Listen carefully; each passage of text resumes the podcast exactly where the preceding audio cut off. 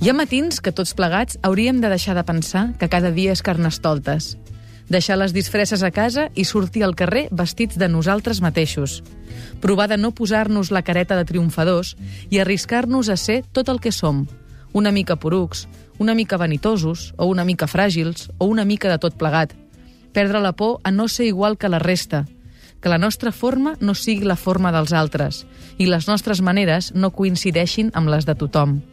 Desar per un dia els vestits que ens amaguen i ens converteixen en persones independents, segures i sense febleses, més que els altres, i sempre. Hi ha matins que hauríem de recordar que no cada dia és carnaval i que la millor disfressa és aquella que no ens cal portar posada.